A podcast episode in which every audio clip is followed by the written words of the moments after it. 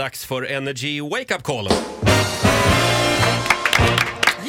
Vi listar ju årets bästa busringningar och vi har kommit fram till plats nummer fem, Ola. Och det är mamma Inger. Hennes dotter Madeleine hade ju bjudit henne på kryssning och Inger var lite nervös för att hon s- hade blivit tilldelad en egen hytt men kanske kommer hon få dela. Du vet som man kan bli, Ja. man får för sig någonting. Just det. Och mycket riktigt, nu ringer vi här från Birka Cruises och det är en, en kille som hon ska få dela med. Mamma Inger ska få dela hytt alltså. Så är det. Ja.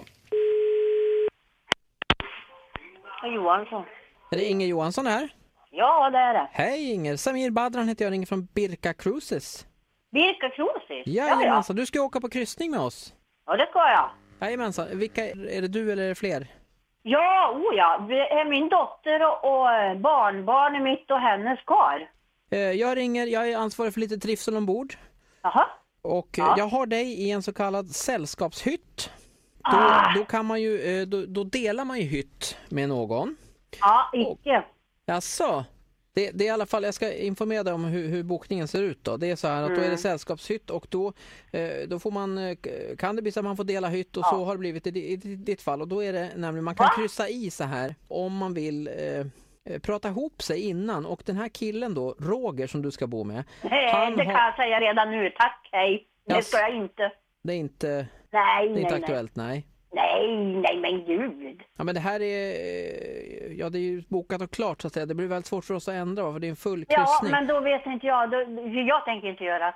I alla fall är det så att Roger, han har eh, be- begärt att få prata med dig för att han har gjort Ja, en ja, men stämbandsoperation och nej. han, han har lite medicinska problem själv. Ja, nej, men jag gör inte det. För jag är inte så lagd att jag vill... Det gör inte jag. Så här är det, va, jag har ju ringt upp Roger också.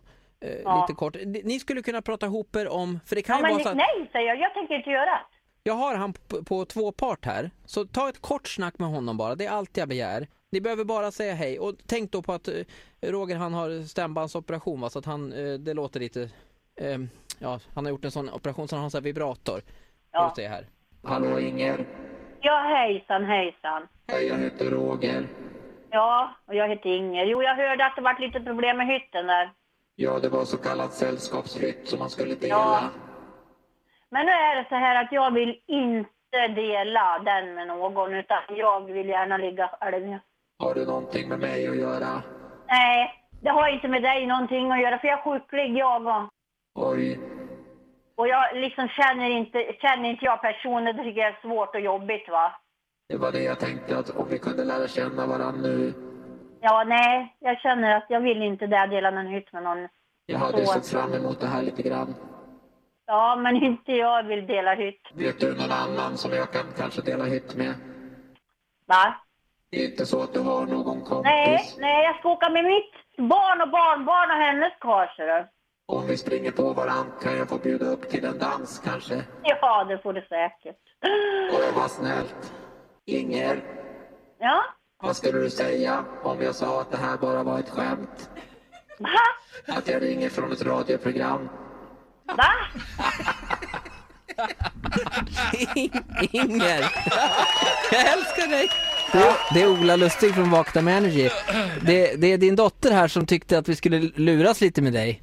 Nej, sluta nu! Det här är helt fantastiskt Inger, du är världens snällaste människa. Nej, det där får ni inte göra.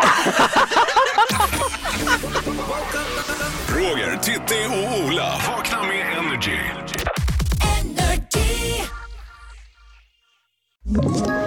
Ett poddtips från Podplay. I fallen jag aldrig glömmer djupdyker Hasse Aro i arbetet bakom några av Sveriges mest uppseendeväckande brottsutredningar. Går vi in med hemlig telefonavlyssning och, och då upplever vi att vi får en total förändring av hans beteende. Vad är det som händer nu? Vem är det som läcker?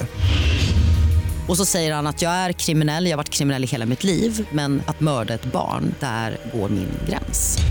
Nya säsongen av Fallen jag aldrig glömmer på Podplay.